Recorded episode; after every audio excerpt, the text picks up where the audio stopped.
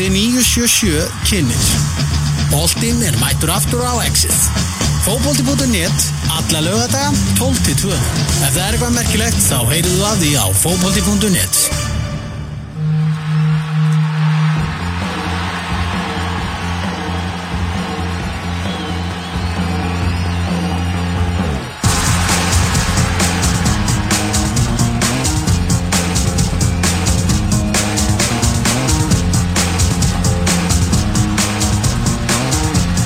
Já, já, við erum mættir aftur maður. Ha, Bara vika sagðum við vorum hérna síðast. Já, ég er ánlega með trailer.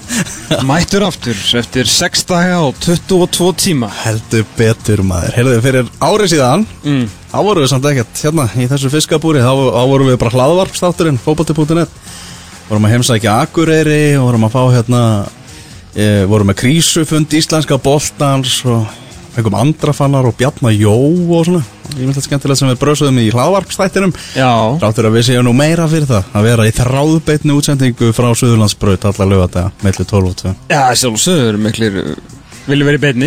Við viljum verið að þarna var eh, fyrsta bylgjan. Og núna er eh, verið að tala um það fyrst, fjórða bylgjan, ég veit ekki hvað þið telja sem bylgju sko. Vonandi er fjórða bylgjan ekki að hægast og vonandi er ekki þriðja bylgjan heldur eða hvernig þetta er sko. Þetta er ekki fjórða Mér sko, þessi önnur bylgja var bara eitthvað, þú veist, það var eitt sem smitaðist í henni eða eitthvað. Já, þú hún veist, var bara samt tekin sem bylgja. Tökum bara þátt í talningunni Það til að vera ekki flækja þetta sko. Já, Nei, þetta er, þetta er búið að vera hrikala gaman. Ég, hérna Náttúrulega bara svakalega gaman. Já, þetta er, ég er svona að reyna að vera jákvæður sko. Ég er náttúrulega er eitthvað ég, komist að því að ég er eitthvað mesti svona COVID-þunglindisöklingur sem að uh, bara fyrir finnst sko. Já, Og þegar að hérna Hefur séð Hefur séð Armageddon Mynd- já, Þegar olíuborkallanir voru sendur upp í game að, að bjarga heiminum. Allir á okkar reiki hafa séð það, séð það með Ah, heldur betur, það er líka geggja lag hérna með A. með Aerosmith sem var titillagi myndinni. Og hérna þegar að Katrin Jakobsdóttir var að lýsa hérna heimsfaraldrinum yfir á, á þriðjudaginn, ég var ekki blamar á 103 daginn, fyrir mánudaginn. Já, og hérna, mér leið eins og ræ, þegar hérna, ræðan sem að forsetin held í Armageddon þegar þeir voru að lappa út í vélina og held svona svakalega dramatíska ræðu og endaði hérna á hérna Godspeed and good luck. Vist, þetta var bara eins og að vera heimsend. Já. hún var svo, var svo þungt yfir henni mhm. og yfir þeim öllum, eðlilega það sem að enginn, og aðalega snýrist um það að hún er náttúrulega mannlega eins og við og náttúrulega nefndi sig ekki sko.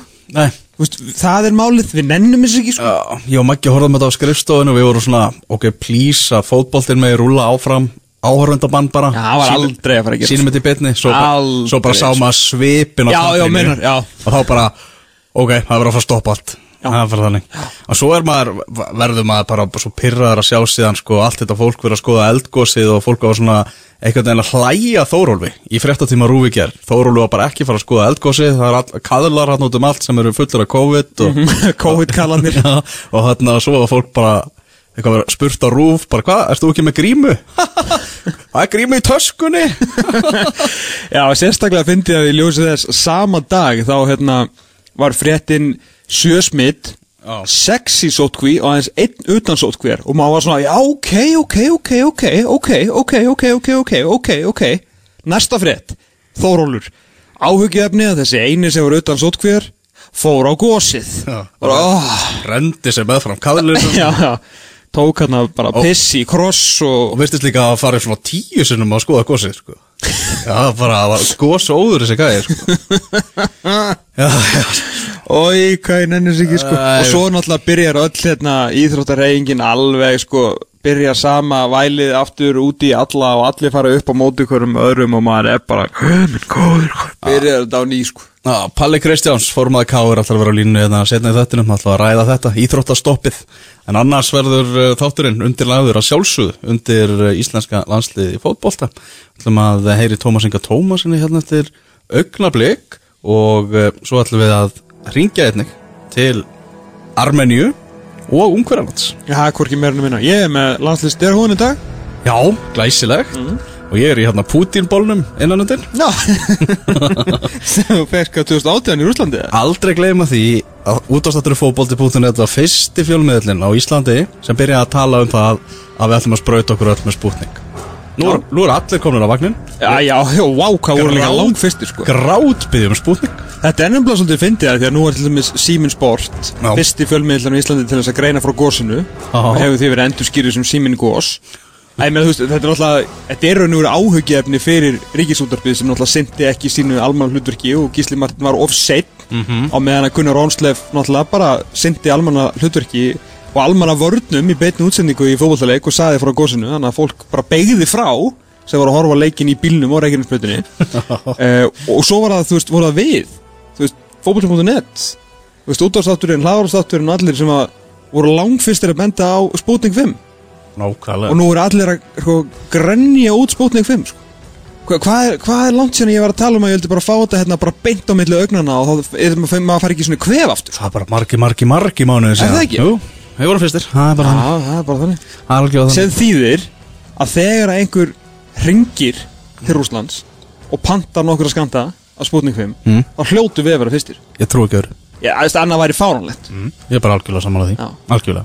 Eða Sputnik Vaff eins og félagið mér sagði en daginn og var ekki að tjóka Já, það. er, ég heyrði Frosti kallaði þetta líka Sputnik Vaff hérna í Í Harmageddon, sko Ó, þetta er kannski ég, Við höldum okkur við Sputnik 5 að sjálfsögðu. Það sjálfsög Heyrðu, landsliðið, landsliðið fótbolta uh, A-landsliðið uh, tapaði 3-0 á móti þjóðverjum. Kannski svona við búið því að þjóðverjar sé að fara að vinna alla heimaleiki sína í þessu reyðleik, kannski bara fínt að vera búnir með uh, þjóðverja á útivelli. Uh, Svolítið pínu miklu betri heldur en við í fótbolta í þessu leik Já, og fengur líka þetta, þetta dundur forskot uh, í þessum, þessum fótbollaleik sem var svona virkilega það var svona það sem var kannski sveið mest að við einhvern veginn komist ekkert á stað í þessum leik. Uh, náttúrulega 1-0 árinu fáum að fáum að snerta fótboltan og, og hérna, og eftir það var þetta náttúrulega og náttúrulega vissi, virti sem svo að, að nánast engi vissi hvert hann átt að stíga eða hvert hann átt að hlaupa eða hvað hann átt að gera í þessum fyrirháleik sko mm -hmm. Þannig að þetta er náttúrulega allt sem hann uh, hluti af því að þess að verið að skiptum kerfið, skiptum áherslur, skiptum reglur og, og hérna, Aron Einar talaði nú um það á blamanafundunum í morgun að, að hérna, þetta hefði nú lagast í, í setni hálfleiknum og þeir hefði svona lært aðeins á, á allt saman þannig að það vissulega eh, vonandi verður það bara að vera áfram, þú veist, halda áfram að bæta sig í, í þessu sko, en þetta var náttúrulega algjör algjör hörmung einhvern veginn ekkert að, þú veist, við gáum okkur ekki ekki séns, þú veist, Nei. alltaf byrjar á því að, að hérna, að eitt reynslumestum að leysins Birki Bjarnason spilar hérna, mann réttstæðan. Uh, Sverri Ingi Ingarsson sem að náttúrulega, þú veist, er alltaf að fá peppið til að taka þátt, eða fyrir ekki að taka sérst, starfið afrakka eða kára eða báðum, sko. Þú veist, hann fær bara boltan yfir sig eins og sé í ykkur sjöttaflokki, sko.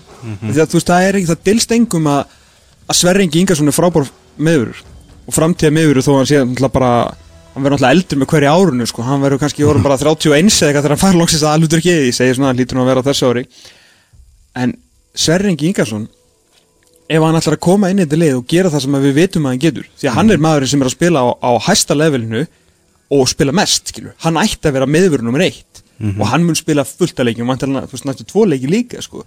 og í þessari undakefni, hann er núna er komið að því að hann sé að fara að vera okkar aðal maður en þá er ekki bóði að gefa marki hver meinasta leik. Þetta verður að hætta. Mm. að því að eftir það hann, bara, veist, auðvitað Birki sem spila rétt staðan, Ha- hann verður að fylgja náttúrulega línunni þannig að veist, þetta verður auðvitað, hérna, vandræða gangurinn verður til út af því. En Sverrir náttúrulega snýr hérna bara eins og okkar flugmóðuskip og bara missir manni yfir sig eins og sé í einhverjum krakkafóbolta sko, og út, út af því verður markið. Og það er ekki bóðlegt ekkert fyrir ekki að vera ekki bóðlegt þegar Alfons Samstæð lætur bara taka sig með einhverjum einföldum þrýðning og, og svo Kári vissulega ára svolítið gamall þarna og fyrir út í teklingu og náttúrulega Aron Einar setur raskatið í boltan í þrýðamarkin þú veist, maður, ég- maður bara skildi þú veist, hver var hann þar? Út úr karakter maður. út úr karakter. En bara aftur af fyrsta markinu sem svolítið bara svona setur tónin að Sverri Engir er allt og mikið í því einhvern veginn svona sökudólkur alltaf eiginlega í einu marki hverju mennsta leik. Að því að svo voru bara hinnar fattur 90 mínúna pluss á honum. Bara mjög góðar. Mhm. frábæri meðfyrir, stór, sterkur, góður á boltan veist, hann hefur allt saman og hann er að fara að taka við þessu. Það verður að hætta að gefa marki hverjum leik. Mhm. það verður að hætta sko. Þessi leiku var náttúrulega bara búinn í byrjun. Uh, Valger Vilhjámsson, hérna sem starfar hjá RÚV, uh, segir á Twitter 40% þjóðarinnar horfðu á Þýskaland Ísland en 20.000 manns hættu að horfa eftir 8 mínútur. Bara, en það var leik bara lokið þá. Já, og sko þjóðverðarnir náttúrulega svona róiðu sig bara, veist, það eru fleiri leiki framöndan hjá þeim, mikið leiki álag og allt það. Ég, veist ekki, veist það, kemur ekki óvart ef að þjóðverðnir þeim hefur bara orðið svolítið brauðið yfir því bara hvernig Ísland, Ísland spilaði. Þeir eru vantarlega búin að horfa á, hérna, 150 upptökur uh, af, af hvernig Ísland spilar 4-4-2 eða 4-5-1 með þú veist, tvo hérna vartasinnaða miðumenn fullkomna fæslur, fullkomin skipula fullkomna reglur uh, hérna fullkomin svona samheldni eh, samstaða og barátta. Og byggust vantilega við bara miklu erfiðari leik ég held að Joshua Kimmich sé ennþá að bara klóra sér í höfðinu yfir öllum tímanum og plossinu og hversu auðvelt það var fyrir hann að fá tíma og plossi í þessum fótballtaleik því að þessi flata þryggjamanna með og Halli Rómas frábær í podcastinu á 5. sköldi að hérna, þessi flata þryggjamanna með með ein, Aron Einar hérna einan sitjandi Aron Gulli og Rúnar og síðan þú veist náttúrulega Birkir uh, þeir bara þeir höfðu ekki guðmyndu hvað þeir voru að gera þarna framan af sko. Það var bara, ég hef ekki séð menn hlaupa, ég hef mikla ringi á þess að klukka menn bara aldrei, menn þeir voru nálátt 1000 sendingum í þessu leik, þjóðrættir 1000 Þetta voru rosalegir yfirburðir, Þú rosalegir veist, þetta er, þetta er sitt í Vestbrómtölu sko. Nákvæmlega Herra á línunni er Tómas Ingi Tómasson sem að eh, verður einmitt uh, sérfræðingur rúf eh, núna í kringum komandi tvo landsleiki áttir þetta að vera sérfræðingur núna á, á 50 daginn en út af sollu þá, þá gata hann það ekki, blessaður Tómas Komið þið sælir. Sælur Sælir, sælir. Herra þú er búin að vera í sótkví, Hva, ertu laus eða? Já, ég er svona vonast til að losna eftir 2-3 tíma. Þetta býða eftir SMS-i Ég hef svolítið að býða eftir því núna.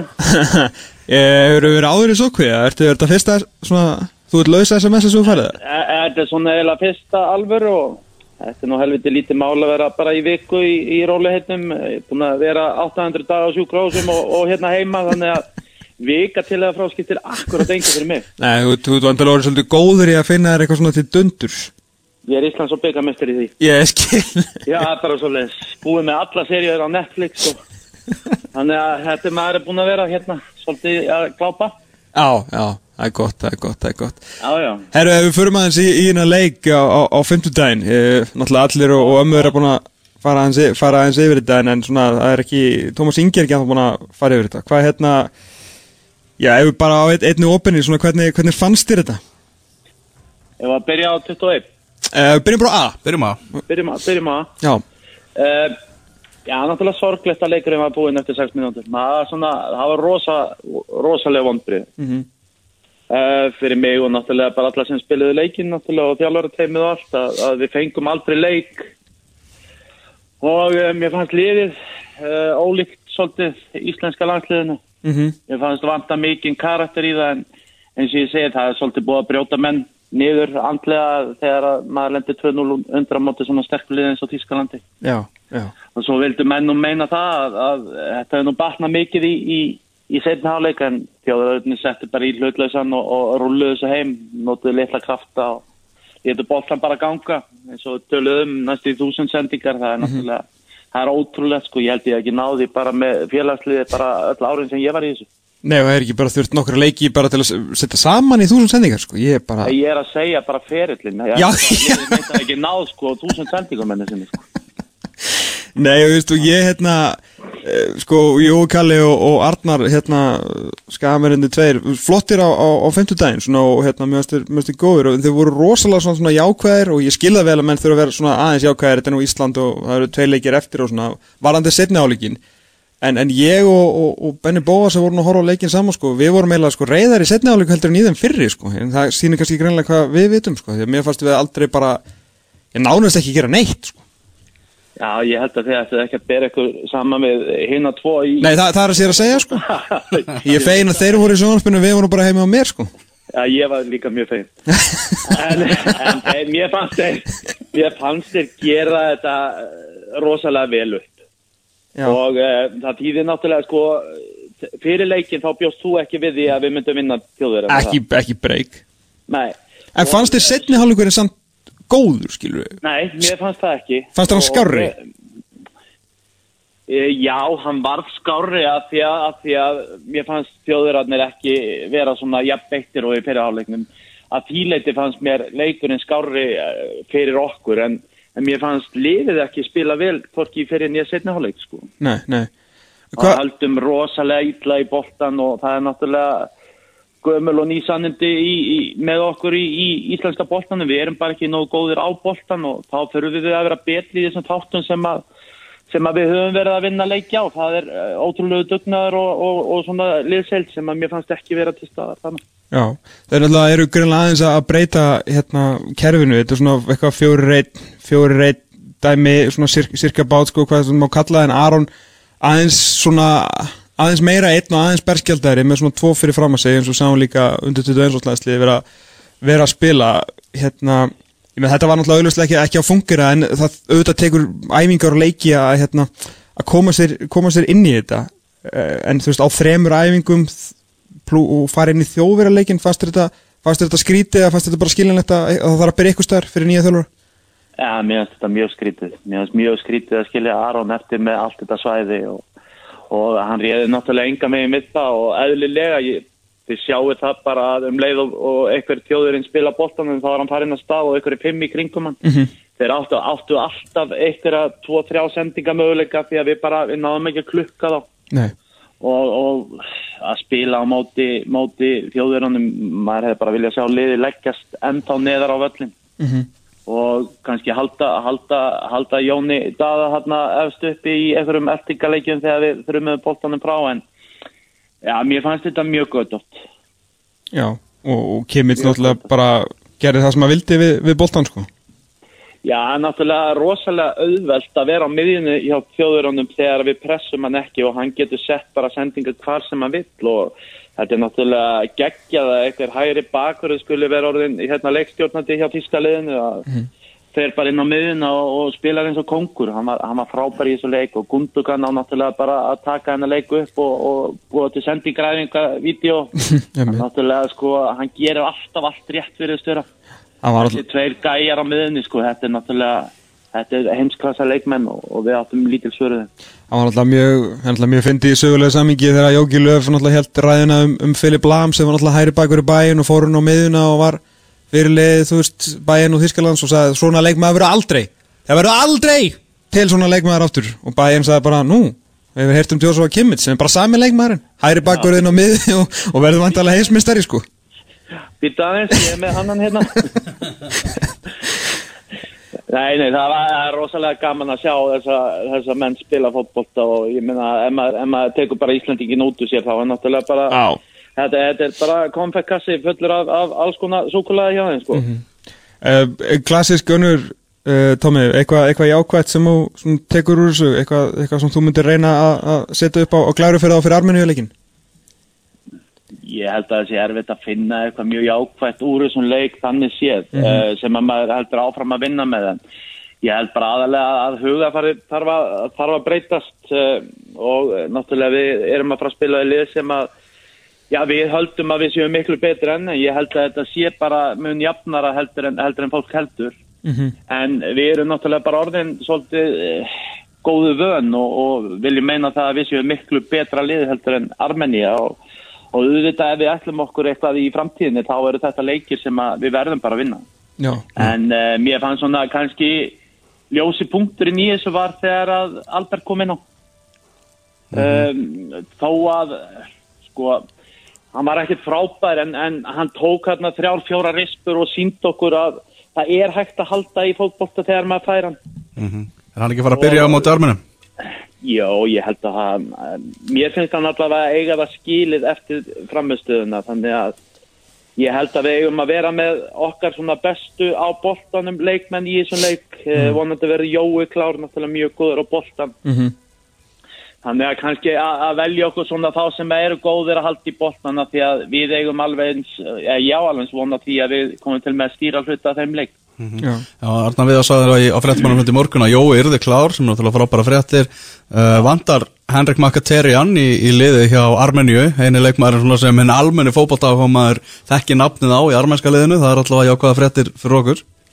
Já, þetta er eina nafni sem maður getur borðið fram af því að hann var í United í, í korter sko, þannig að maður, maður kann að bera það fram. Ég var nú að lesa nöfnin sem maður voru að tala um held ég á fotbolti.net uh, á þessum góðu gaurum hjá þeim og ég, ég get ekki staða með frambúrunnsinu þannig að það er ekkert skrítið að maður þekk ekki þessa leikmenn. Nei, nei, nákvæmlega, nákvæmlega. Æ, hérna, varandi eins og, eins og systemi ég meina, þú veist, það er alveg ljóst að þetta er eitthvað sem Arnar og, Eiður uh, standa fyrir uh, mm. svona þetta aftur svona með einn, svona fjóru einn, fjóru einn eitthvað. Eh, ertu eitthvað heldur, finnst þér að þér ætti að eitthvað svona bakka út úr því að er þetta bara, ætti þér að halda áfram að vinna með þetta? Já, ég minna að þetta er bara tölur á bladi, ég raun og veru er bara allir fyrir aftan bóltan þegar, það er varist, þannig að uh, ég veit náttúrulega ekki hvernig skipulaði var og hvort að, hvort að Guðlu Viktor átt að detta niður með Aronni þegar er vörðust, en, en bara einhvern veginn þá gekk þetta yngaðin upp á móti þjóðverum og Nei Svo getur við sagt að þeir spilir nákvæmlega eins kerfið og, og komið til með að lukkast bara miklu betur á, á morgun og, og ég hef alveg trú á því þetta er ekki kerfið held ég sem að var að fara með þetta í, í þessum leik. Það var bara gæðamunurinn í öllum stöðum var bara allt á mikill. Já, einmitt. Mm -hmm. Og þegar okkur vantar, þegar okkur vantar Gilv og Jóa, þá er það svo að vanti átta í Þískaland sko. Þetta er, þeir eru eitthvað örlítið fleiri en við held ég. Já, þetta er svona bókstallega höfðatala hérna sko ekki kíkt á, á Wikipedia í dag en mér minnir að þeir hafi verið eitthvað fleiri en við eitthvað nýjustu tölum. Já, það er eitthvað nýjustu, ég kíkt ekki á þetta í dag. Nei, nei, en það er aldrei að vita hvað hefur gert fyrir nýjum mánuðu síðan, hvort það var mikið en að gera á spítala. Herru, ef við förum aðeins í hérna, förum til frá uh, Þískarlandi til, til Ungverðlands það sem að undir 21 árs landslið var uh, að uh, þetta frumur sína að þetta landslið þarf að segja á, á stórmóti tíu ár sinni vorum að síðast ókveð gaman var þá með, uh, með þig sem þjálfara með þig sem, sem, sem þjálfara og þá var sjálfsögðu allir í stuði hérna Já. þetta maður er ekki miklu stuði á, á, á 50 daginn sko Nei, þetta var uh, talandu þess að tvo leiki saman þá var ég náttúrulega fyrir miklu, miklu meiri vonbröðum með 21 heldur en nokkuð tíman aðliðu Já. ég bjóst alltaf við að, að aðlið myndi tapa þessum leik uh, en ég bjóst við miklu meira af U21 á sliðinu og mér fannst, uh, mér fannst þeir fara rosalega bratt inn í hennar leik. Hvernig þá? Og uh, já, mér fannst þeir bara vera uh, allt og framalega með liðið og ég hefði viljað gera sama með þá eins og, eins og með aðlið. Ég hefði viljað fá alla miklu neðar. Alex var svona svolítið eins og Aron. Einmitt. Hann var svona svolítið lost hérna á miðjunni og það, ég átti bara erfitt með að horfa á hann. Það, ég hef ekki séð Alex svona dabran í leik uh, áður. Uh, og, og það er hægt að kenna því um að hann fekk ekki mikla hjálp heldur. Nei. þannig að ég hefði viljað sjá liðið uh, stilla upp munni eðar á vellinum og, og svona bera meiri virðingu fyrir rúsneska liðinu það því að við erum að tala um að rúsarnir hafa ekki tekið eitthvað COVID-break sko. Þeir Þeir náttúrulega, það er ekki búið að, að viðkenna meiri segja veiruna þar frekar heldur en samkynneið. Þannig að, að, að þeir eru búin að spila allan tíman og meðan að lungaða okkar strákum eru hérna í einhverju lengjumóti eða mm -hmm. ekkert að gera í Noregi og þú veist Svenni ekkert að spila þannig að sko, við erum ekki standi til þess að vera svona hátt á vellinu. Það er það, er, það sem ég held og, og það kom rosalega í ljós í leiknum að mér fannst menn vera þreyttir í fyrraháleik og það er ekki ásættalegt sko. Nei, svona til að taka undir þann punkt ég menna að þú veist, uh, komið að því eftir, eftir auknar bleikin, kannski ástæðan fyrir því að að Mikael Neville sem er kannski sá sem að spila á hæsta levelinu þarna bara svona hendi út í lofti bara að jú, ég með að máli segja það. Andri Fannar. Það er bara rétt að þau Andri Fannar og Harald Levelin kannski spilar minna.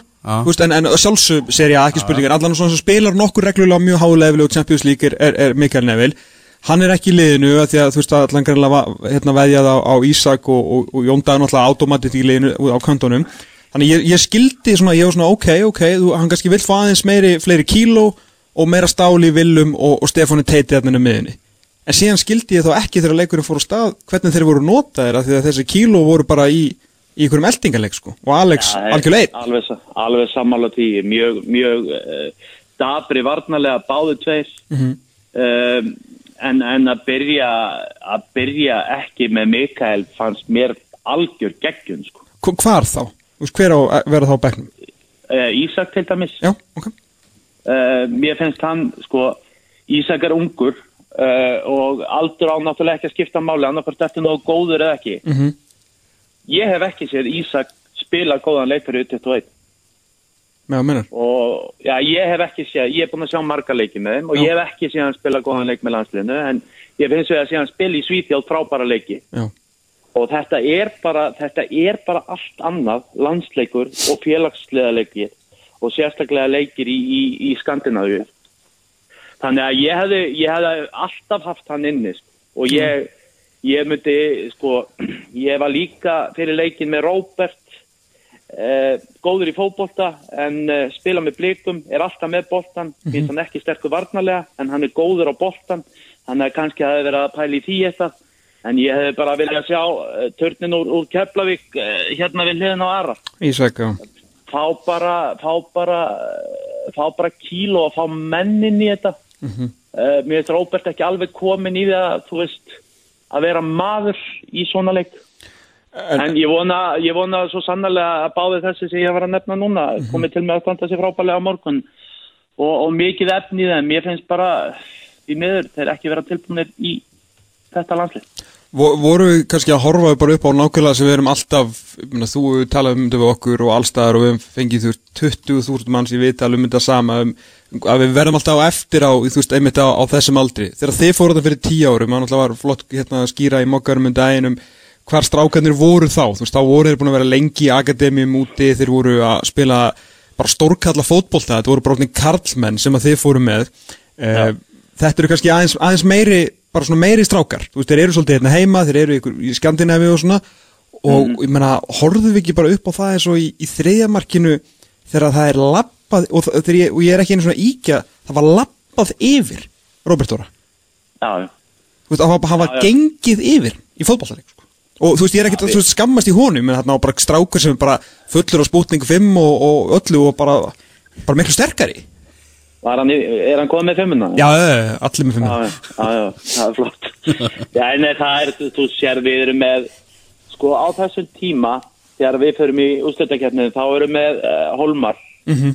uh, við erum með. Kolbein og við erum með, við erum með Jóa, þetta er allt strákafætt í 90, eiginlega yngri og áttu næsta landslið eftir líka, uh, en þeir voru bara komnir tölvert lengra finnst mér heldur en þeir strákar sem eru, eru þessir yngri strákar í dag. Uh, og í vörninu voru við með Jón Guðna og, og, og, og Holmar hlið við hlið og þeir voru bara, þú veist, þetta eru 1.95 gæjar og það lappaði enginn yfir þá allavega. Nei, þú, þú varst líka búin að, þú varst líka með Tómi, sko, þú ert með ekki Gunnþór bara nokkur ár hjá Hearts, Holmar hjá Vestham, fyrirlegin Bjarni Þóru búin að vera sko nokkur Everton og minna, þú veist, það er ágætis æfingar hjá David Moyes, þú veist, Jói Berg, hérna Birki Bjarna, Gilvi búin að vera á Englandi eins og segir er náttúrulega bara mm. fenum, þú veist, þetta voru bara, eins og segir, þetta voru bara kallmenn, sko. Já, mér fannst bara það ver, að veri komið lengra uh, sko einstaklingarnir heldur en þeir sem eru með í dag Mm -hmm. Og það er bara, ég held að það sé bara staðreind og maður sé ekki að gera lítið úr einu meðan einu Nei, þegar, maður, maður segir það að við vorum bara með meiri kallmenn uh, tilbúnari í, í þessi verkefni. En, en svo getum við sagt að við töpuðum náttúrulega fyrstu tveimur leikjónum 2-0 og uh, við vorum einu marki frá því að komast í, í undanúslit og, og á olimpíuleika þannig að þetta er ekkert búið þó að þetta farið ítla Nei. En mér fannst ekki, sko ég er búin að, vera að horfa núna á Danmörk og, og, og Frakland, þau er ágætt sko. Já, ok, það markaða sem Daninu skoruði var, var alveg allt í lagi Á, hérna. konfekt maður. Ís. þessi sending er náttúrulega bara, hún er bönnuð en að átjón held ég. Hún er náttúrulega bara, ég er bara langt síðan maður hefur séð svona flotta sending og flott laup, passa saman. En að því að við myndist aðeins á, hérna, á Mikael Neville uh, á hann að hérna, áhafaður karakter greinlega því að hérna, hann svona var eitthvað þess að ímislegt búið að ganga á hann alltaf þessi myndu slagsmál á, á æfingu náttúrulega neytar að spila þetta með eh, fyrir ekki undir 21. landslinu síðasta verkefni um, og svo hérna náttúrulega þetta fake news tístans þarna. Á sama tíma sko maður alltaf, ég, maður tala við svona einhverja sem er nálægt liðinu og segja hann alls í alveg indisluðu drengur, bara, bara ungur fjölskyldufaðir bara, og æðisluður svo samaður viðtal sem sagt við hann á, á, á rúfundaginn, þar sem maður einmitt að segja að það bara elska að vera heim með litlu stelpunum sinni og, og konu og bara, og svo hefur aðeins verið kvartið við því að svona íslenski fjölmiðlar kannski þekkja hann ekki alveg eins og við þekkjum íslensku strákana og, og svona þess vegna kannski halda þér eitthvað um hann sem er alveg rétt af því að þú veist, það er náttúrulega, hann er bara svolítið dani fyrir okkur þannig. En þú ert náttúrulega bara það sem þú projektar. Ég meina fjölmiðlarnir hafa ekkert búið til neitt þeir hafa bara greint frá því sem að hefur gerst. Þannig að ef að það sem er alltaf í fjölmiðlum er þú veist, þú neytar að mæta í eitthvað verkefni þú ert í einhverjum slagsmálum æfingu þú ert með eitthvað svona fake news tíst þá náttúrulega verður til svolítið karakter í kringu þig og það er ekkert eitthvað fjölmiðlum að kenna eða það? Nei, þeir eru náttúrulega ótrúlega fljótur að grípa vondurhlutina því að þeir selja betur. Jú, jú. Það alveg og, og hérna, ég þekki náttúrulega Mikael ágætlega og, og þetta er algjörlega frábær drengur. Ja, eina sem maður heilt sko Ekki, ekkert annað hægt um hann að segja og ég er, sko, það hlakkaði pínu lítið í mér þegar hann lendi í slagsmálum með æfingu því að ég hefði ekki trúið að hann það er í færum þetta þannig að það er, það er, það er eitthvað búk í honum sem Já. að ég hef ekki kynst en ég verð alltaf ánægða þegar menn sína tilfinningar á, á vellinum og, og hérna á æfingasvæðinu og þá maður þurfa að henda þeim í, í styrtu og að maður vill bara að menn séu að gefa allt af sér á æfingum og í leikjum. Þannig að eh, allt talum að hann sé eitthvað, eitthvað hérna slæmur strákur, það er bara kjæftæði Mm. og eh, að, að, að eh, við þekkjum hann ekki jafnvel og íslensku strákarna er mjög eðlilegt, við erum búin að fylgjast með öllum þessum strákum spila hérna heima. Eh, en, en hann hefur verið svolítið undir ratar og var ekki í 19. ára liðinu þegar að við tókum hann upp í 21 ás Mhm. þarna árinu áður hjá, hjá Þorvaldi þannig að hann hefur farið svolítið undir ratar en, en svo er bara svo getum við bara horta á hann í meistaradeildinni hvernig hann er að spila þar þetta er náttúrulega ég, ég myndi segja að þetta veri jafnvel okkar besti leikmaður sko, í, í 21 ás í 21 árs, já, já, já, já. já, svona allavega komin, komin lengst að þeim sem eru, eru, eru þannig já. En, en, en kannski passa svona eins og svona tistinn og, og svona var það kannski eitthvað ráð til ungs, ungs leikmanns eða ertu kannski bara ánægða með það líka hann sé bara með tilfinningarnar á erminni mér, mér fannst þetta bara allt í lagi svona, ég veit ekki ef ég hef verið þjálfari hvort ég hef verið jafn ánæði með Nei, nei, nei, nei. En þetta er svo sem hans eina leið til þess að, segja að þetta hefur verið, ég meina hann hlýtur að vera fullur rétti líka með að greina frá því að þetta var ekki rétt. Já, mér finnst það algjörlega og, og hérna ef að það er verið að afsaka liðsval á því að, búa til eitthvað meðsli hjá einhverjum sem að, sem að segja svo vera klár, það finnst mér líka döpur pólitík sko, þannig að einhver stað kemur þetta frá og þetta lítur að komið e, frá einhverjum innabúðamanni að því að ekki, ekki byrjar pressan að skrifa bara, heyrðu hann er öruglega meittur í nára, finnst hann er ekki með. Já, ætlum að ringi Sæbjörn að þetta er sem að koma með þessa frétt Þannig að hann fær að, bara fáum að vita eitthvað. Hún settur á já, grillið. Það það er um að gera grilla þakka þeim.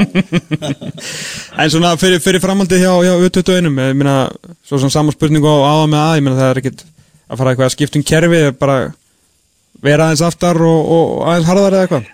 Já, ég myndi, ég myndi strax fara í tvo defensífa hérna, miðumenn alveg bara um leið uh, og liggja mun neðar með liðið. En, en ég veit ekki, þeir, þeir verða náttúrulega tættir af dönum ef, að, ef að þeir að spila svipað og á móti rússum. Ef þeir að hafa, halda sér svona framalega á vellinu þá er náttúrulega Danmörk er náttúrulega það lið sem er svona kannski getum líkt en pínu lítið við Spánverja Skandinavíu Jú, jú, en það spámið að þjálfa það ekki? Jú, Spánveri sem þjálfa og hefur ekki ennþá lært að tapa leik með þá. Já, hæja, það er svekkandi. Hann, já, mjög svekkjandi. Það styttist í tapið. það styttist alltaf í tapið, segja þeir, en, en, en þeir, eru, þeir eru bara alveg ótrúlega vel spilandi og vel mannaðir alltaf í þessum 21. landsliðum. Já, Þannig að ég held að við þurfum að bara þjætta, þjætta hópin og, og, og svona ná þessari, sko ég er nú búin að sjá svona varga leiki með 21. landsliðin og ég hef hrifist af varnarleiknum hjá þeim og varnavinnunni uh, frá fremstamanni til aftasta. já, Uh, en, en í þessum leik einhvern veginn virtist eins og allar tengingar hefðu bara svona rofnað og, og, og hjálpin uh, við náungan, hún var eiginlega engin, þannig að menn voru svolítið einir að baksa og svo var tekin þrýðningur framhjáðum og, og það bara, sko það var eitt þrýðningur, ég held að það verið í öðru markinu þar sem að hann tók hann á hælinn hérna út við hliðalínu mhm, og tók sjö Íslendinga út úr því með þessari sendingu. Og það er bara, það er skjálfilegt að sjá sko.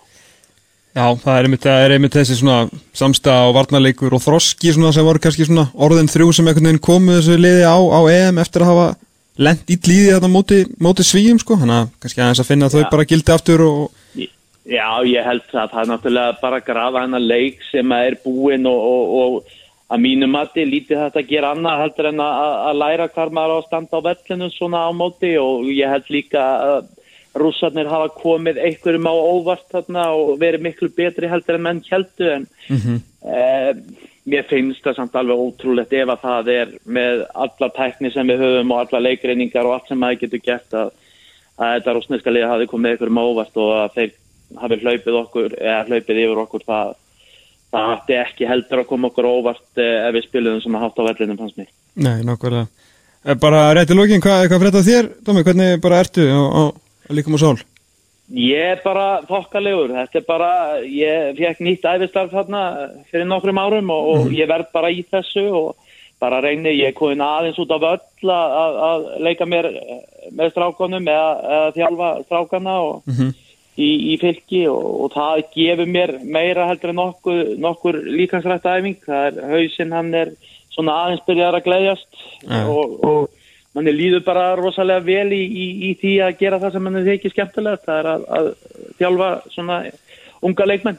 Já, geggja að heyra. Það, það, þannig að ég er bara, ég er brattur maður, það heldur? Ég segi það, ég segi það. Tómas Ekki Tómasson, takk kjalla fyrir spjallið. Áallt ána Sumulegst, Bye og bye. Bye bye bye bye, bye Já, það ég að þurfa að hlusta út á sláttinn fótbolti.net hér á X-inu 977, við erum að reyna að ná uh, samband við Armeníu, allavega þannig að það heyrist í, í báðar áttir uh, Heyrir í okkur núna, hafliðið? Ég er bara mjög vel núna. Þarna bræði stökk hérna frá bylgjunni og redda þessu fyrir okkur Já, og Það var ekki delay og ekki neitt það. Nei, nei, þetta er internetið maður Við erum góður Já, já, já. Ótrúlega tækni Við komum því að framfæra þetta var mána að kenna Hann var búin að fokka hérna í takaborinu Já, það er mikilvægt að það komið Það fram verður að fara að kenna honum á það. Ég veit það Ég veit það Það er þannig. Heyrðu, þið, þú ert í búblunni með íslenska alansliðinu sem er að fara að keppa mútið Armeníu sá leikur klukkan fjögur á morgun að íslensku tíma, hvað átta að, þínum tíma eða ekki? Það er alveg, Jú, það er átt að. það er alveg munur hérna, þetta er enda Armeníu er svolítið langt í burtu. Já, við, sko, þegar við landið bara með landamæra Írak, sko, þetta er alveg rosalega sunnarlega og austarlega, austanvegi með Tyrkland. Já, þetta er, þetta er alveg og þarna er samt svolítið íslenskt veður sá ég á myndufröðar í morgun. Já, ég, ég nú kannski sagt sem við því að það er, það verður svolítið draumur að fá að mynda fótbolta í miklu snjó sem að það tækifæri gerst ekki eins og í Íslandi en það fegst alveg á æfingunni í morgun, sko. Já, það Það var var bara, allt á kafi hérna. það er bara þannig, það var ræft í, í snjóbolta bara í, í morgun. Jú, jú, menn var alveg að leika sér að kasta snjóboltum og svona, bæðið þjálfarnir og leikmenn, sko. Þetta er alveg þræðilega Þannig að hvenar, hvenar kom liðið og hvernig er bara svona standið, standið á mönnum og, og, og, og gýrin? Sko, standið verið fyrir bara gott, það tók allir fullan þátt í æfingunni og verið bara allt fyrir eðlilegt hvað það var. En við komum hérna seint í gerðkvöldi finnst ég að segja frá við glendum á sama tíma aðmennskvæðlega sem var að koma á sínum útileik. Já, og löpum inn eftir hérna flugstöðinni og þá kemur að tröppum til að lappa niður í vegafræs eftir þá byggðu armennarnir og voru gestreisnir og gafu okkur forgangað landamæraeftirlitinu. Nú, það stóð, er stóð, stóðu bara í ganginum og hleyft okkur í gegn Ok, Já, ok, það er vel gert að þeir já, hugulegir Hugulegir strákanir sko.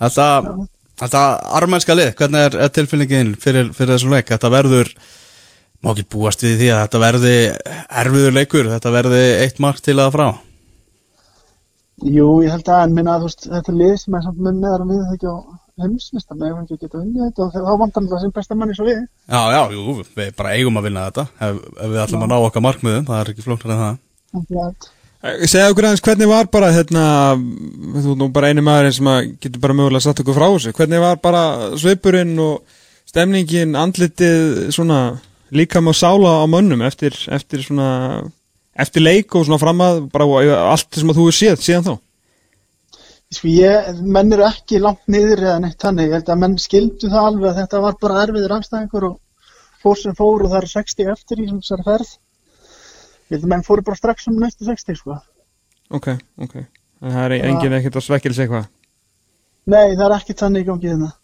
Nei. Hvernig er dagskráin hjá, hjá liðin í dag og, og bara fram að leik? Þegar það var nú heila eitt sem var ákveði bara á leiðinni hingað að það var ákveði að fresta dagskráni. Já, hann talaði um það á blamarafundunum Það var bara búið að breyta klukkunni Já, þannig að við erum í rauninni bara á evróskum tíma eins og er út í Þísklanda og Sviss þannig að mann fyrir ekki að vera að færa sólarhingin fram og tilbaka. Já, Þar lendi var bara að fara að fætur undir hátegi sko. Já, akkurat Hvernig, hvernig er dagskráin svona fram að þessu? Fram að þessu, hún er fyrir að fara að funda setnapartinn ef ég bara segi nákvæmlega funda skil hann er þá uh, þá er hátegismatur klukkan hálf fimm. Já, einmitt. Svo bara eðlilegt er. Af því að við erum á þess, þessari þessum evrópska tíma, þá höldum okkur á því, þá það bara þannig. Er fundur hjá leiðin kvartur við fimm og, og svo kvöldum það til klukkan níu. Já, Svo fundar það aftur eftir tíu.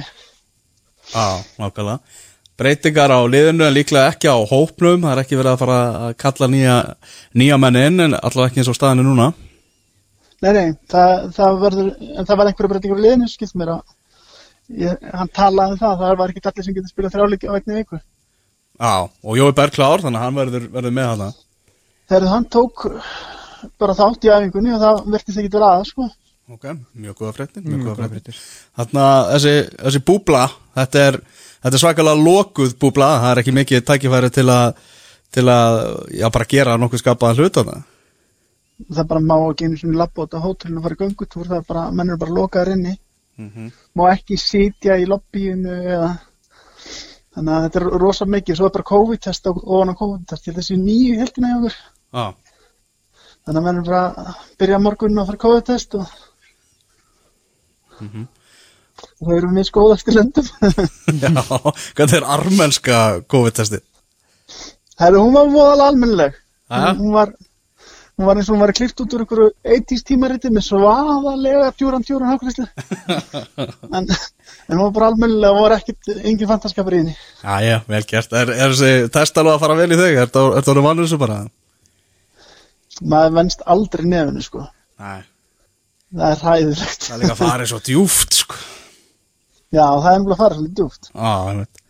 Já, þetta verður áhugavert, þannig að þú ert komin til Armeníu eiginlega ekki komin til Armeníu þar sem að þú ert bara í einhverju búblu og fara ekki að sjá neitt og, og, og veist ekki neitt.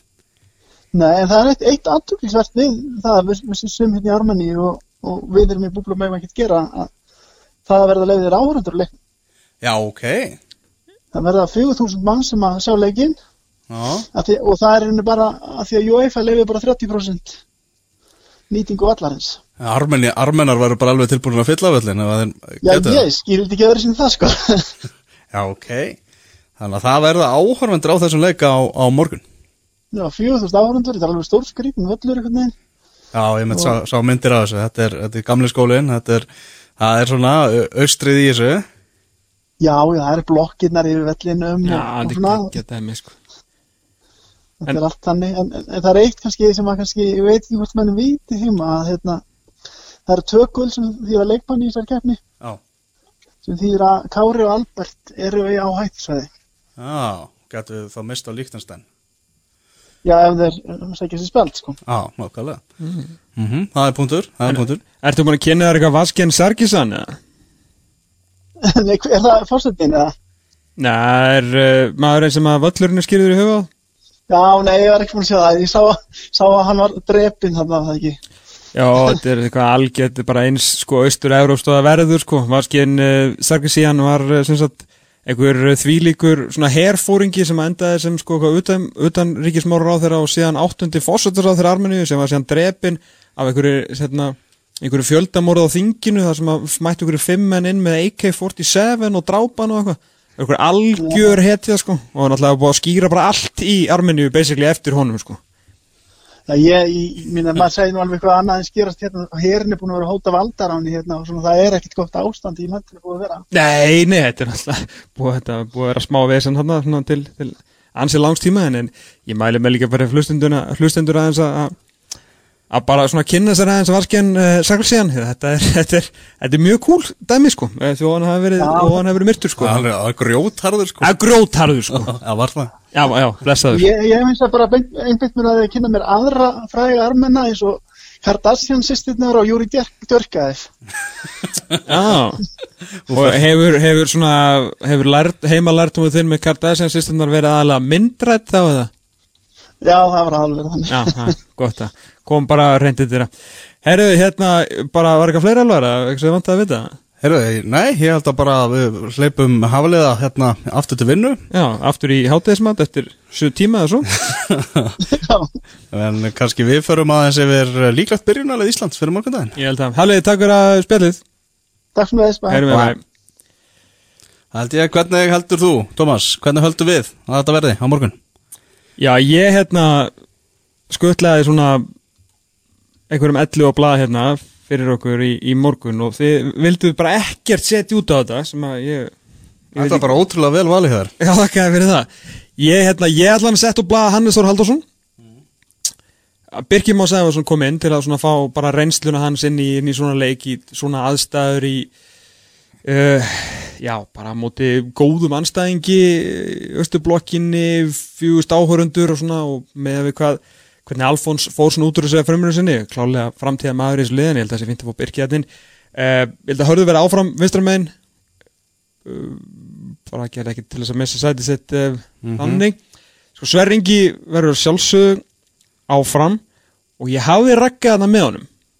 Ok. En ég er svona svolítið að bæla hvort að Kári og Sverri taki annar leik og Raggi kemur inn í Lichtenstein en ég ætla samt að halda mig við Ragga og Sverri eða við uh, Aron fyrir framann Jói Berg sem kemur inn á, á hægri kantinn.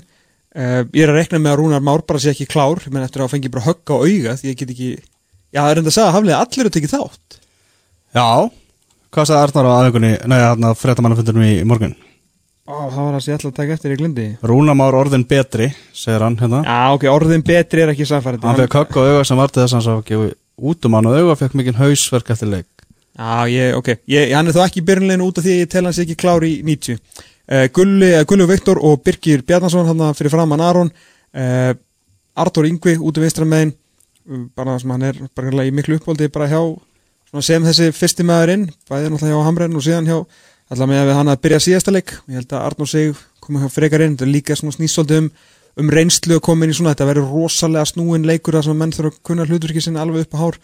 Og af því að eins og talaður um að menn vilja svona reyna að halda eitthvað aðeins betur í boltana Albert Guðmundsson starti þá uh, í fremstu výlinu á, morgun og reyni þá að geta þá fært liðið eitthvað upp sko, eða framar á öllin mm Akkurat. Þetta er líklegt byrjunalið Íslands á morgun á móti armenum. Leikurinn klukkan 16.00 Já, á íslensku tíma. Hvernig spáður þeim?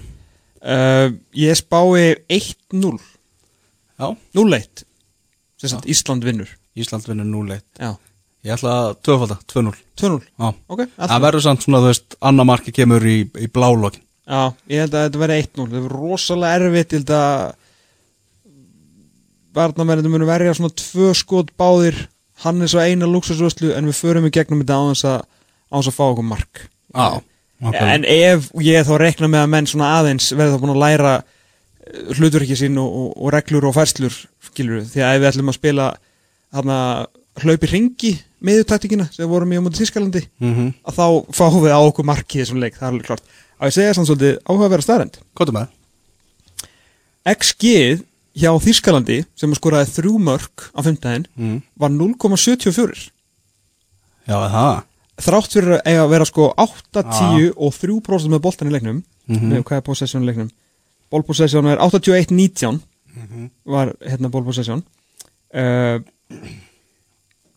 og eiga 15 skot á markið eða 15 skot að markið á mútið 7 skotum íslendinga var XG hjá Þýskalandi ekki nema 0,74 en XG hjá Íslandi var 0,65 það munar 0,9 á XG-inu hjá Íslandi og Þýskalandi í þessu leik sem segir okkur það Já, að þrátt fyrir algjöra yfirburði liðsins, þess þískaliðsins hjælt vörnin bara nokkuð ágætlega fyrir utan alltaf þessar skelvelegu byrjun sem alltaf drepa leikin sko.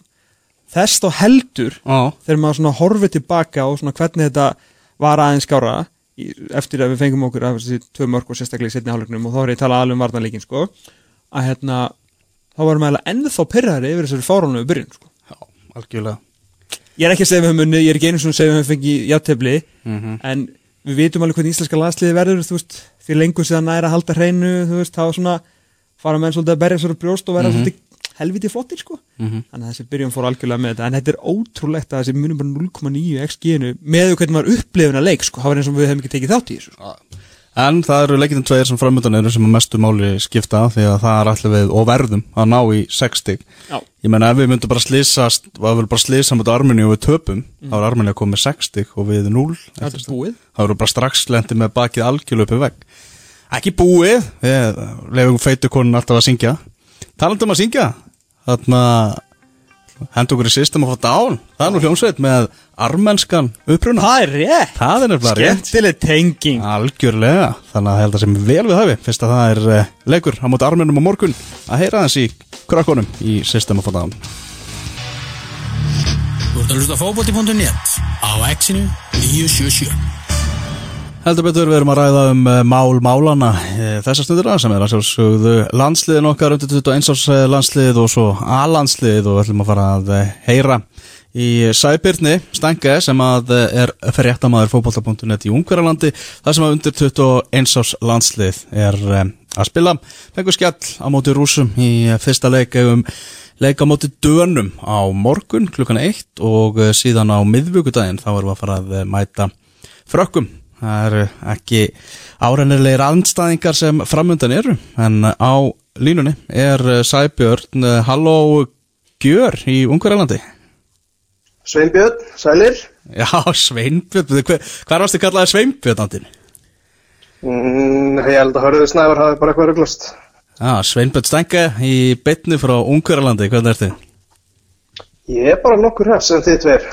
Við erum nokkuð bratti svenni sko, bara helviti finnir Já. Það er bara Er, þannig er, er geitin með ykkur? uh, Hver er getinn? Benni Bóas? Nei, Bóasen er bara eitthvað heima eitthvað að drakka djús á nýjustu myndum Æja, æja.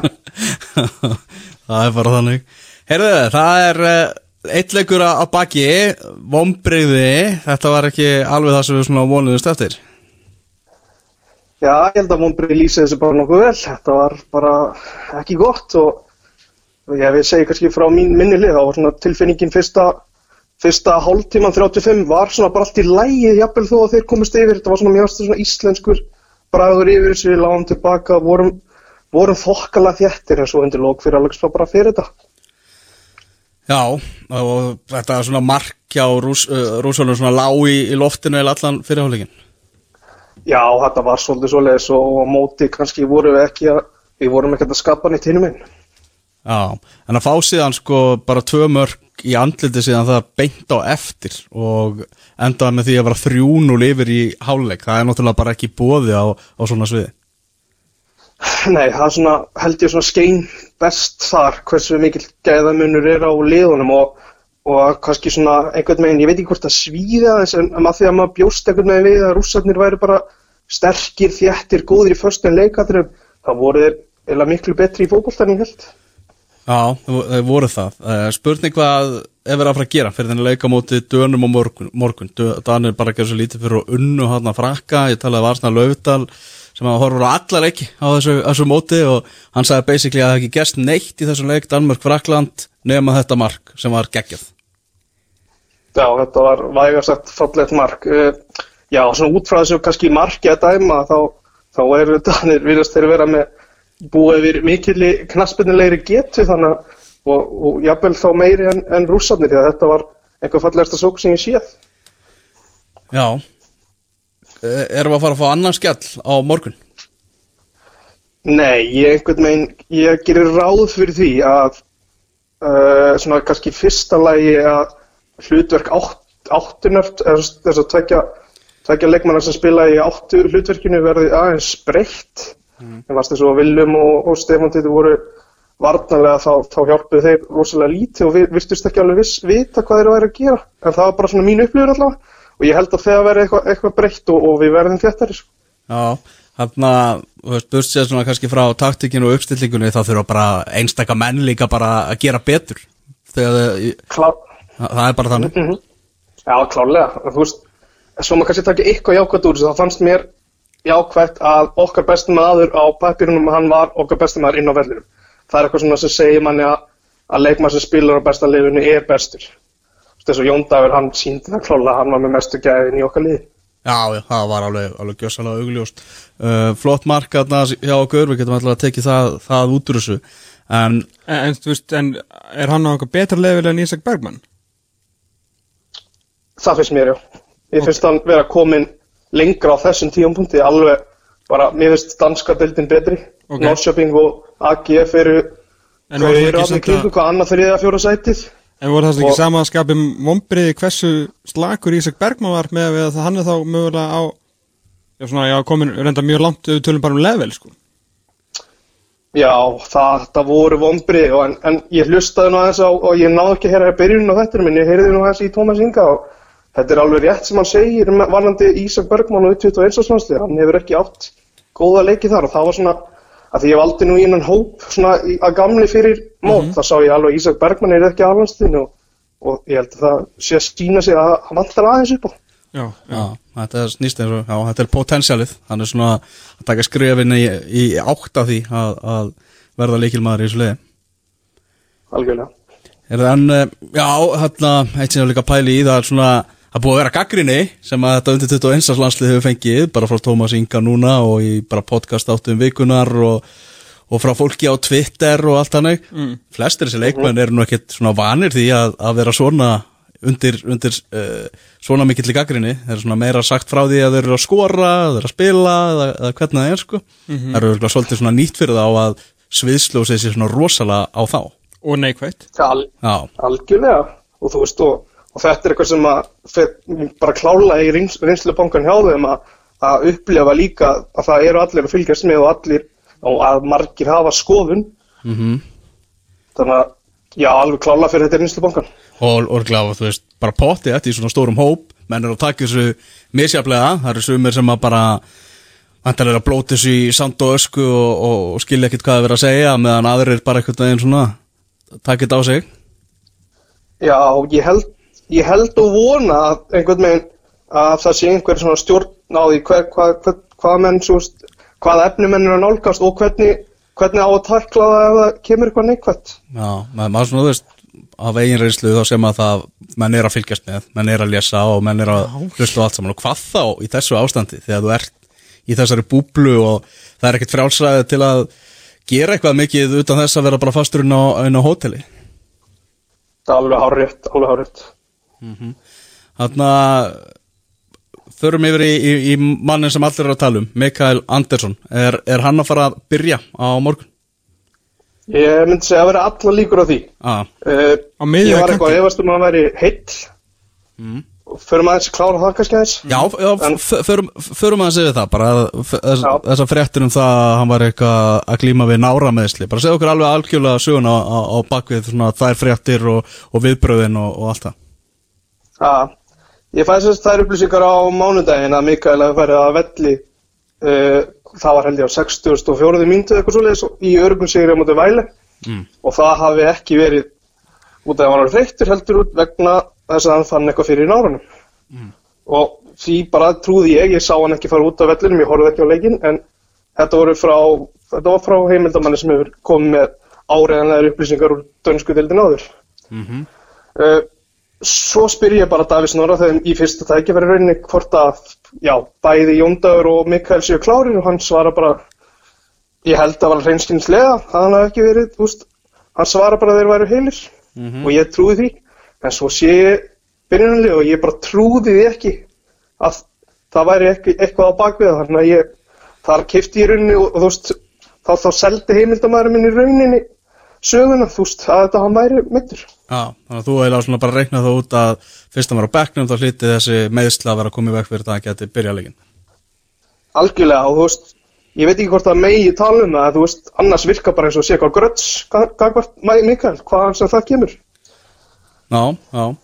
Þannig að hans sem kemur með, með þetta þarna, fake news, vildi greinilega að það kæmi í sviðsljósið og, og kæmi upp auðvborðið að, að hann væri ekkert mittur, hann hefði verið klári innanleik og, og það veist bara alveg 100% pottið mjög pyrrar yfir því að, að byrja ekki innanleik enda leikmaður sem vill vera að spila í alansliðinu, það er það sem hann vill að vera svona á bekknum í 21 árs landsliðinu hann hefur ekki augljóslega verið mjög ósáttur við, við þá niðurstu Algjörlega, það má rauninni tekla það á tvo vegu, að verið ósáttur við þessa frétt og þá bara liðsvalið í rauninni. Ég, þú veist, það er ég held að setja, sjá þetta frá báðum svona miðum.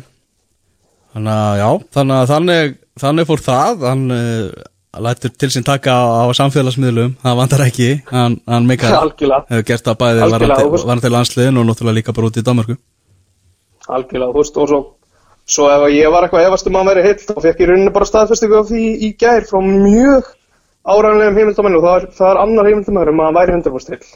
ah. Þannig að það þarf ekkert að velkast í vafa en þannig lengur. Nei, nákvæmlega Heldur að svona mestuleiti verði þetta samt sem áður sömu menn sem að byrja leikin Ég get alveg séð að verða einhverjar tvær, þrjár breytingar á liðinu. ah. Uh, gæti séð tvær breytingar varnarlega og svo einin á miðinni. Já, þetta var frólægt að sjá Þarna, Hvernig er svona lífið annars í gjör maður getur ímyndað sér það að ungverjarnir séu nú slakari heldur en flestar aðrar, aðrar Evrópuþjóðir, kannski líka í ljósi þess að þeir eru að taka móti öllum fótboltaleikjum sem að Já, má ekki spila í einhverjum öðru löndum, þá eru það bara að opna þeir faðmenn og segja komið til okkar og spila fótbolta. Hvernig er, er lífið í, í gjör? Það er rosa fínt. Ég finn svo sem ekkert rosalega mikið fyrir, fyrir einhverjum, uh, einhverjum hörðum aðgerðum þannig. Ég, ég veit að það er útgöngubann og ég vinn mig bara svona í kringu það. Það er útgöngubann eftir klugan átt á kvöldin það þú tröfla mig ekki neitt. uh, ég fæ einhverju undan þá fyrir það á leiktöfum, þannig að það er eins gott að vera og, og svo finnst mér svona, ég finn alveg fyrir einhver svona þýskum, þýskum bragi verið, veist, ég er margir sem tala þýsku hérna og ég er svolítið heimavelli bara. Já, ok, þeir líður bara vel þannig. Já, ég er nokkuð góðið, sko. Já, nákvæmlega. Þetta er svona, þetta er öðruvísi stormót, það er ekki mikið af andlismáluðu fólki nýri bæ með, með fána. Það minna um það, minna. það er ekkert um það, fórum það bara þannig. Já, já, nákvæmlega, nákvæmlega. Herðu, bestu kveðir yfir til Ungarlands sæbjörn leikurinn á morgun klukkan eitt að eh, íslenskum tíma og alansliði klukkan fjögur þannig að eh, við vonumst eftir íslenskum sigurum bara á báðar í báðum leikjum þar áttur að ég skal viðkynna það ég sé ekki að spá því að móti dönum. En það væri, eða en veist, Danir, er hægt að fá- eitthvað betra tækifæri til að svara eftir að hafa fengið fjögur eitt skell? Til að mæta Danmörk. Þetta, þetta er fullkomið, fullkomið í rauninni fullkomlega uppsett að þarna farið tækifæri til að svara. En áður um kannski við kveðum, það er eitt sem er langar að gaggrína Ok. sem er, það er, mér finnst ekki það lítur út fyrir að ég elski að gaggrína en þetta er eitthvað sem að mér finnst mjög skrítið Ok, að bladamannafundur íslenska auðvitað á einsáslandslisins og íslenska aðlandslisins skarist á í morgun, það finnst mér alveg galið. Þetta er eitthvað sem þarf að skoða í skipulagi hjá KSI já, þeir voru ofan í hver öðrum Já, Já, nákvæmlega. Þú veist, ég skil það að menn vilja hafa bladamannafundi fyrir æfingar en þá hafið hann bara talsvert fyrir aðra æfingar og, og ekki látið þetta skarast á. Já, Þú veist, við 21 ás fundurinn það, það sást að 4-3 og, og þetta, þú veist, allt content kom fram en þetta var, þetta var ekki alveg, alveg þú veist, ákjósanlegt fannst mér. Nei, líka, þú veist, það er ekki við erum ekki fjölmennastu að stjætt heimsins, íslenskir íþróttafréttamenn og, og hvað þá þessi margir á, á vakt klukka nýja á lögadagsmóðin sko. Hárétt, hárétt. Þetta er eitthvað sem ég vildi koma fram. Algjörlega, herru Sæbjörn, gaman að þeir er Segja það. Herru, bæ Bye bye. Já, Svenni klikkar ekki sko Nei, Svenni er flottur Svenni flottur Herru, já, undir þetta á eins árs landsleikurinn á, á morgun eitthvað svona sem hættir að bæta við varandi þennan leik og þess að tvo leiki sem við möttir á móti dönum og, og frökum Nei, bara vera íslenskari sko í, í nálgunni eins, eins svona falleg pæling og þetta er svo eiginlega bara svona maður skil, mað skildi ekki alveg þegar maður horfði á hann leik hvernig við komist á þetta mót mm. að hérna með hvað það virtist eitthvað ógeðslega langt á eftir að því við unnum alveg Svíþjóð og, nei við unnum reyndar ekki í Ítalíu, við unnum Svíþjóð og Írland. Alveg, þú veist, Svíþjóð einu sinni og Íra í tvígjangar ekki rétt um mér, bæði heima og úti.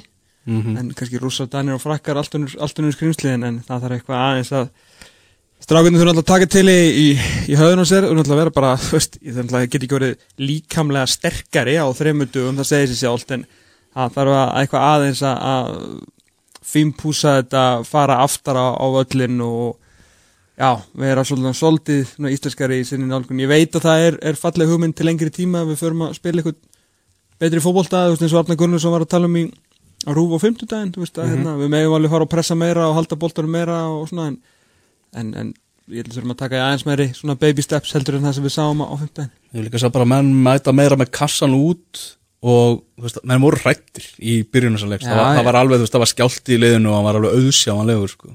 Nei sko fyrir utan Jóndag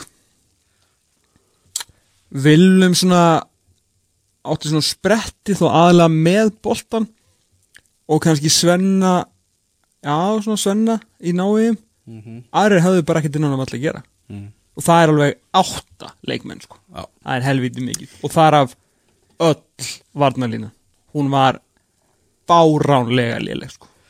Já, nákvæmlega. En það er náttúrulega þú ert með miðjumann í hæri bakverði af því að hæri bakverðin og fyrirliðin er svo góður að hann fyrir bjallansliðið þú ert með vinstri bakverð sem við spila hæri bakverð uh, skilur við vinstra megin.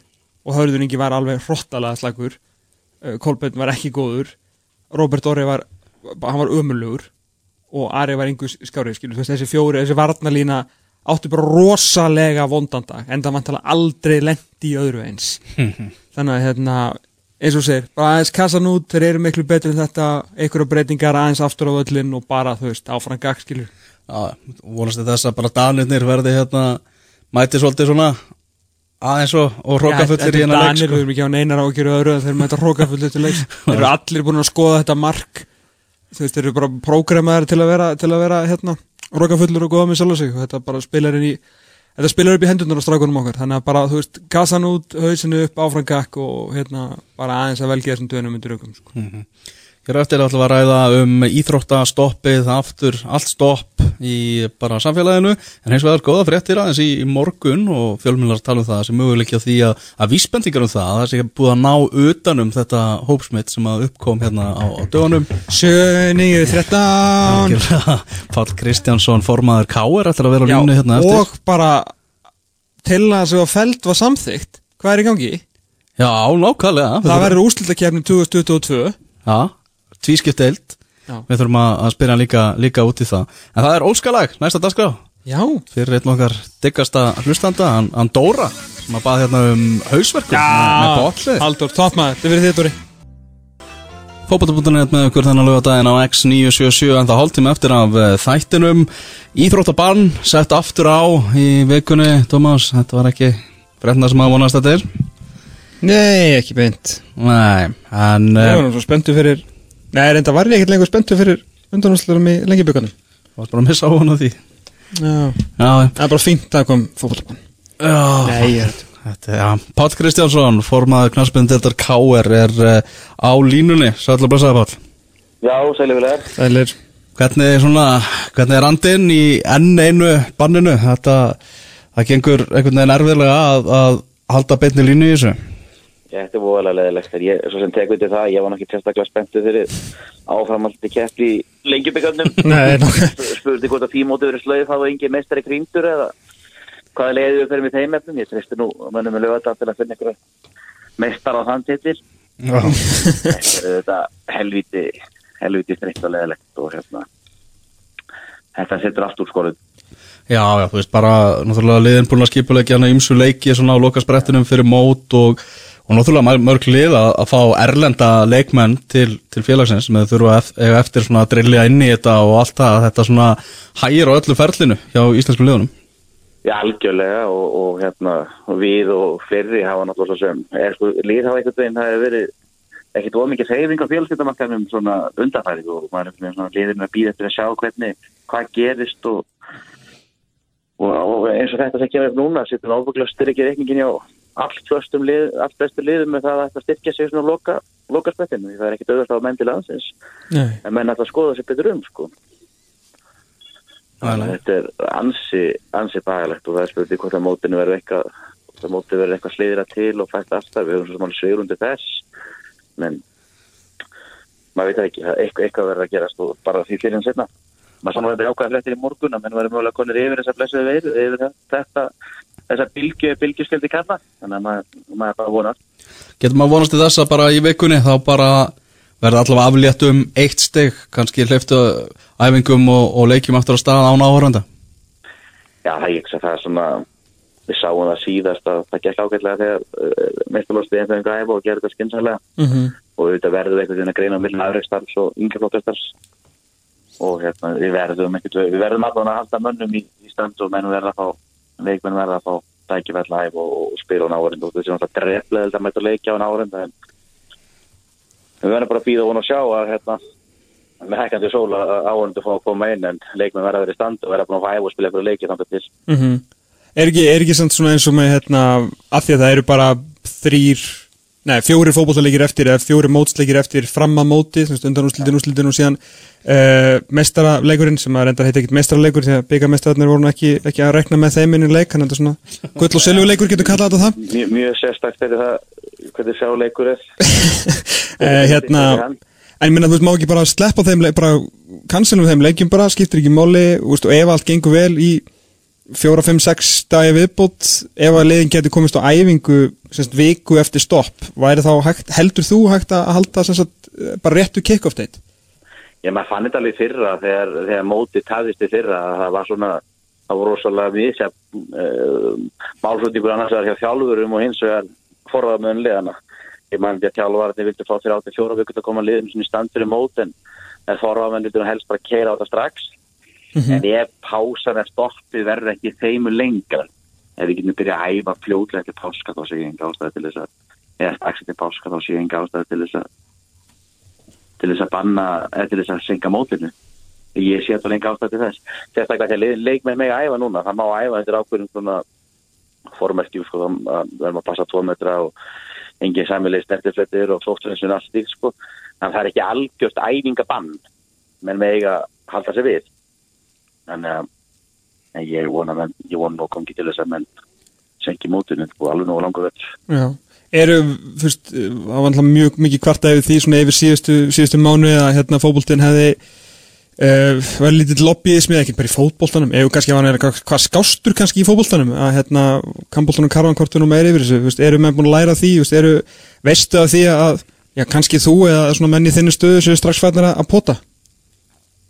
Já, já, það er náttúrulega látust verið að því og hérna vera að reyna að finna einhverja leiðir og eins og segi það er svo mikilvægt að halda þessa afreikstarfi áfram. Yngri okkar starfið er undir öðrum formerkjum og það er kannski eins og, og mannum hefur tíðrætt um, þetta er náttúrulega nákvæmlega aðsynlu starfsemi og það er um ekki að skerða þetta fyrir meira en þörfur á en ég held að sko, ég, maður hefur eftir um tilfengjum og stjórn sem það hefur verið að grípa til þess að hægt Mm -hmm. fermingavislur og, og fleira sem eru svona einhver gróðastíða fyrir, fyrir smitt, skilsmjall Mhm. sem áhuga maður smitt en, en ég held maður er svona vonafallan til þess að það hefur verið svona fyrir að varða á staðan til með fyrir smitt í samfélaginu ég sá einhverju fjölmiðli í morgun að menn vonuðist til þess að vera búin að komast yfir þetta og þá getur við byrjað aftur strax eftir strax Já. eftir áramót Já, ungi viðir var svona, er svona var eitthvað voða peppaður í ykkur viðtali í morgun á Röggvaldur. ég var ánægð með það Já, ekki, bara Jó, smá svona jákvæða fréttir á lögðu, það er ekki, er ekki búin að margt jákvæðt í vikunni, sko. nei þannig að þetta er þessi við erum einlandi heiminsbjörn í fótball sko Nei. Hve- Hvernig, hérna, bara bendum aðeins á, þig, hvernig, hvernig slæðir þetta svona káir komið svona fyrir síðustu vikunir ykkar? Þetta er alltaf bagalegt. Eh, svo sem lið, það kannski er sammett þess árið svo í fyrra að liðin er ekki að fara í þess að efingi að fara til útlanda. Þannig að undirbúningun hjá okkur hefur svo sem bara verið hefbundið eða óhefbundið svona eins og í fyrra að æfa bara hérna heima og það er langt í næsta leik og engi leikir. Dottin út úr, út úr deildabikar. En auðvitað hefur þetta þetta hefur í rauninni eitthvað sögum ár þetta káur alls annars. Já. Þetta er við erum allir að þjást saman í þessu. Þannig að það er kannski eini kostun það er engin með fórskot og annan. Ekki með myndu leysi æfinningur um höllum og við káringar fyrir náttúrulega ekki aðeins einum höllum. Nei, nei, nei. nei.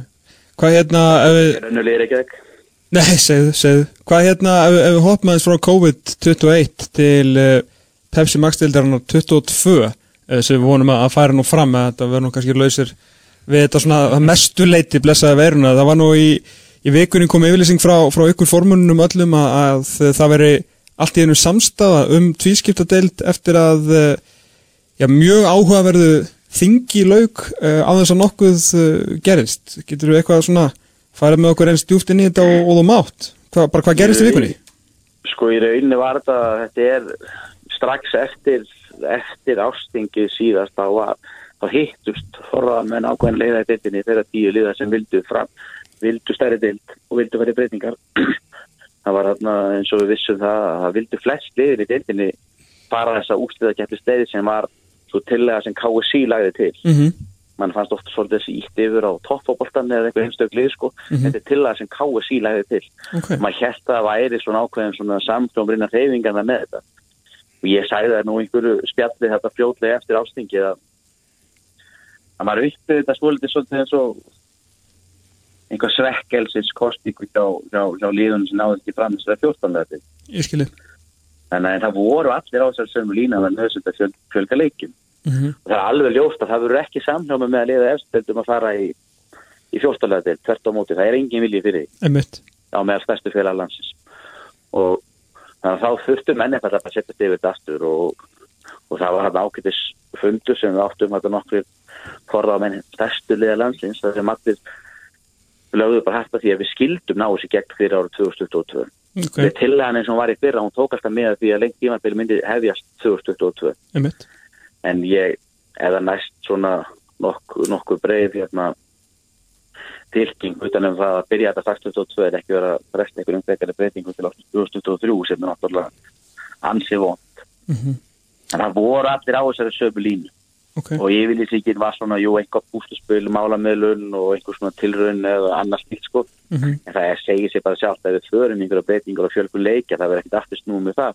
Og svo getum kannski farið annað fyrirkomuleg en það voru mörglið og ég get alveg sagt þetta sjálf á mig að ég sá helst fyrir mér að fara í tíulega dild og, og hérna þrefaldæðinferð Mhm. en maður verður eins og verður að sína auðvunum liði skilning svo sem og, og virða fyrir sjónami og þá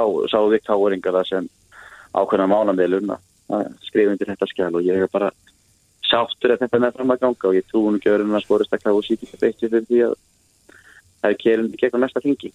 Hvað þarf að, hvað, hérna, segir löffræðingur hvað, hvað þarf að gerast núna til þess að þetta færi gegn 20, og, og veri spilað 22 í rauninni sko það þarf í rauninni bara sama það þarf að aukna meirulita en þess að tvo þriðji sem allir voru að leitast við tvo þriðji atkvæða Ok, sjá liðin í eftir deildir með fleiri já. Þannig að þetta getur alveg ennþá verið Já, af, við hefum alveg geta sagt á síðast ástingi sagt að þetta gildir dags 2021 Já, en menn allir bara að gefa sér ákveðin tíma til að vinna eftir þessu. Skilji.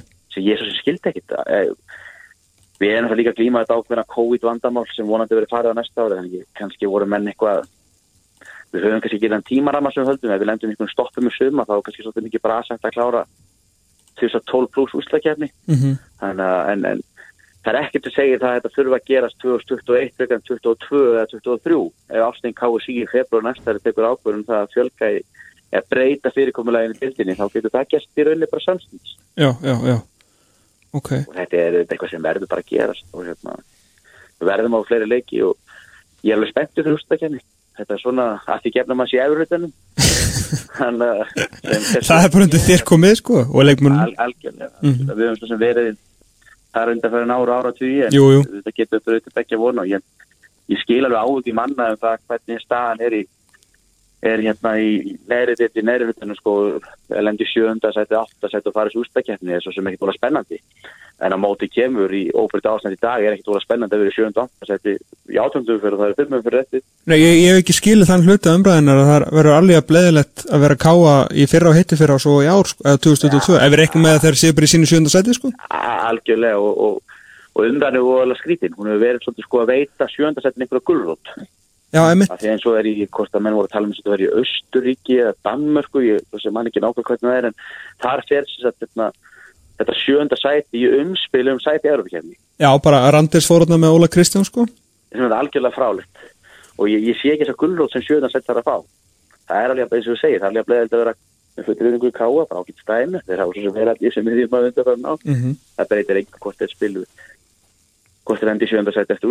undan Það og svo er kannski líka eftir sé villandi þessar umræða að tala um ústakefni.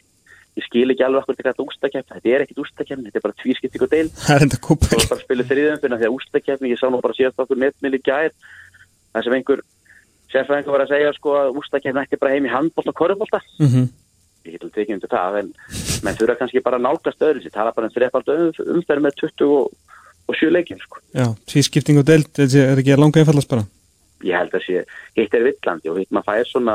og 7 leikjum. Já, tvískipting og deild, þetta ekki langa einfallast bara ég held að sé, hitt villandi og hitt maður fær svona alltaf eins og sé verið að gengi svolítið deildina sem er þess að móti af því að fyrir umferðinu tekur náttúrulega þau steg með þér áfram, áfram.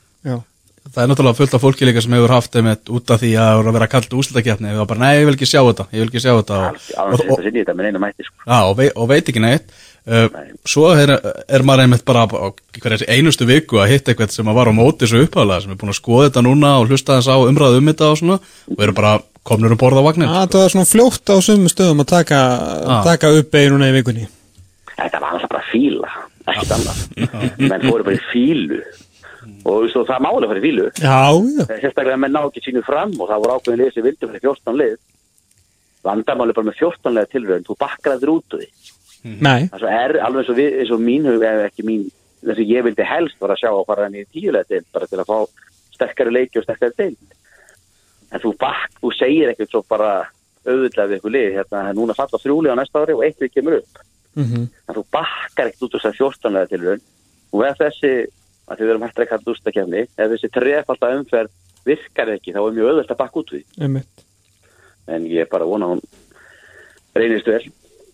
Já, ég með það gera alls konar húlum hæð þegar voru dreigið í veist, í þriðu umferðina fattur þú veist hver far heimarleikin og, og allt þetta sko, veist, ég meina Algjörlega. hafið að prófa þetta, ég veist að fallið að bara föru aftur í, í 22 leiki, sko, þetta var aldrei verri en það. Það er engin skæðið skiður. Nein, eh, hérna eitt samt, um 27 leiki tekur lengri tíma, þannig að eh, ég hérna, heyrði eitthvað starf utan að mér eh, núna í, í vikunni að tímaramin væri, þú veist, að, að því að mótir að byrja núna á, á eh, eftir mánuð, eða tæpan mánuð að þetta væri komið inn í einhvers staðar sent í fyrstu vikun í apríl og klárast undir lok ótt eitthvað, er ég, hérna eitthvað verið að byrja mér Ég, ég held að það sé svolítið frálslega að fara með staðarendina því að þetta er unni bara fimm leikið viðbútar. já, Þú hefur þetta eitthvað fjóra-fimm mánuð til að bæta einu leikja hvert mánuð.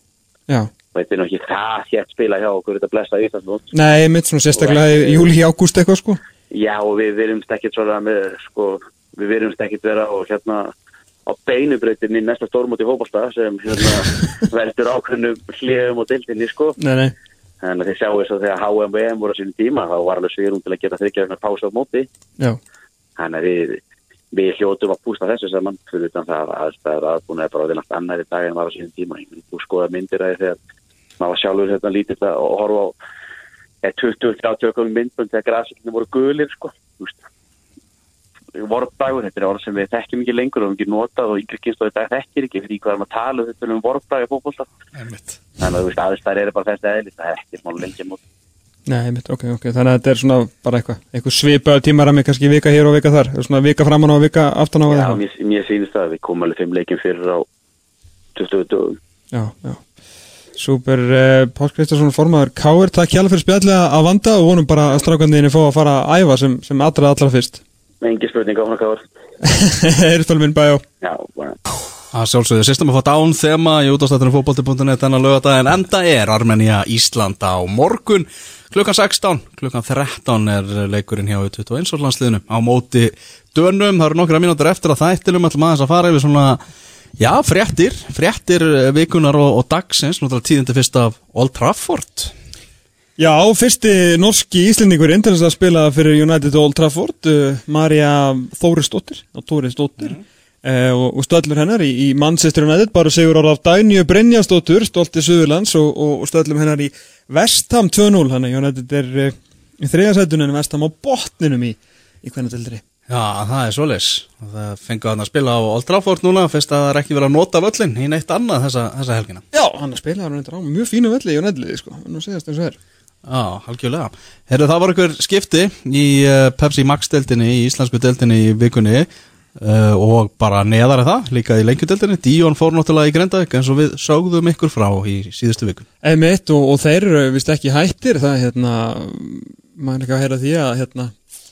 að að hvað heitir hann káringurinn, Oddur? Það sé svona eitthvað, Að koma aftur? já eitthvað allan að vera að pota og mögulega Stefán ekki aftur úr breyðabliki og hérna, og svo er maður að heyra svona eitthvað eitthvað svona den stúri dröm um uh, Guðjón Pötur Lýðsson. Já. en ég, þú veist, það er svo sem ekkit nýtt. Það er náttúrulega grinda eitthvað í böf að sjálfsögur láta sér dreyma um að, en að lokka hann til þess að gulltryggja þá mm. Gullsætið í lengur dildinni að þeir hefðu mjög gott að því að fá Stefán Inga núna greintökingar því að Gummi Magga náttúrulega bara búin að rifta samningi. Já, já. Hann var eitthvað svona fallin aðeins aftur í gókunaröðina gókunaröðina þar og var svona eitthvað Já, bara persónulegum ástæðum sem hann ákvað að rifta. Já, þannig að Díón kom inn og þeir ætlar hann að fá sér einhverja fleiri, fleiri framherja þarna. Þannig að hérna, þeir, þeir líti ansið vel út og vonandi já bara vonandi fyrir hérna bráðskemmtilegu lengjudild og þá hérna er uh, fáum við eitthvað að sjá af Díón hann verður ekki, ekki illt í tanni eins og síðastu litið, greið maðurinn þannig að toppskipti ef hann er í, er í standi þetta geggjaða leikmaður, ógeðsla hrifin á hann Stjarnan fekk leikmann. Herru já, Já, sönskan mann sem er samt englendingur.